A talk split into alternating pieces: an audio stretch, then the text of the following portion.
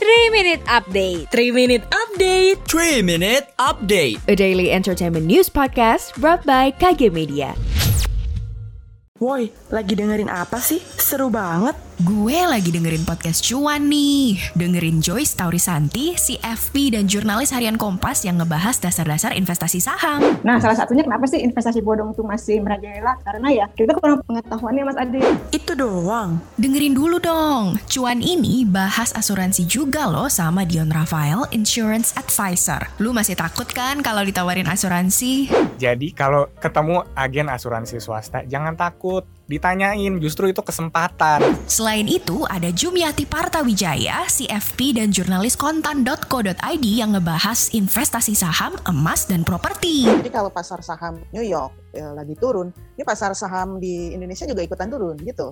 Eh, satu lagi, satu lagi. Ada sekilas cuan dari kontan.co.id. Di situ ada berita update soal saham dan masih banyak lagi. Biar nongkrong sama anak jaksel lebih nggak kaku, dengerin deh cuan. Cari untung bareng teman. Persembahan Motion FM dan Medio by KG Media hanya di Spotify.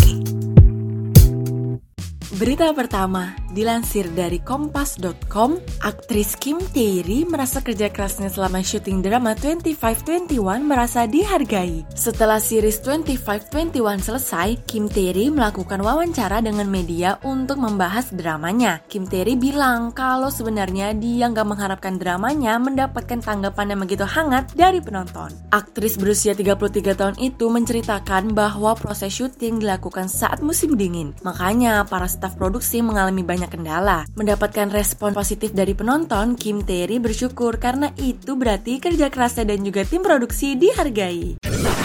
Kita beralih ke berita selanjutnya. Dilansir dari hi.grid.id, sutradara Squid Game Dong Hyuk Hwang bakalan buat film kontroversial lainnya yang lebih kejam dari Squid Game loh. Infonya dari Variety melalui IGN, Hwang lagi ngerjain film berjudul Killing Old People Club, adaptasi dari novel karya penulis esai Italia Umberto Eco. Proyek baru ini bukan berarti Hwang meninggalkan dunia Squid Game. Squid Game season 2 sudah dalam pengerjaan. Hwang berharap season 2 sudah bisa tayang di Netflix akhir 2024.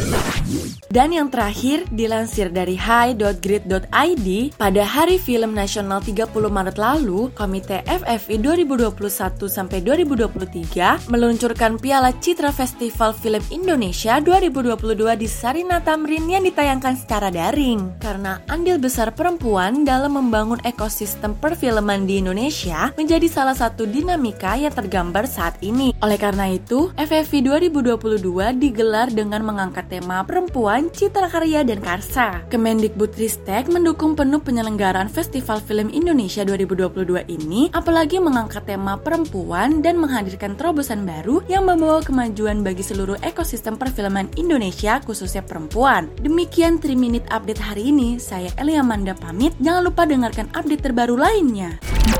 Sekian update pagi ini. Sampai ketemu di 3 Minute Update selanjutnya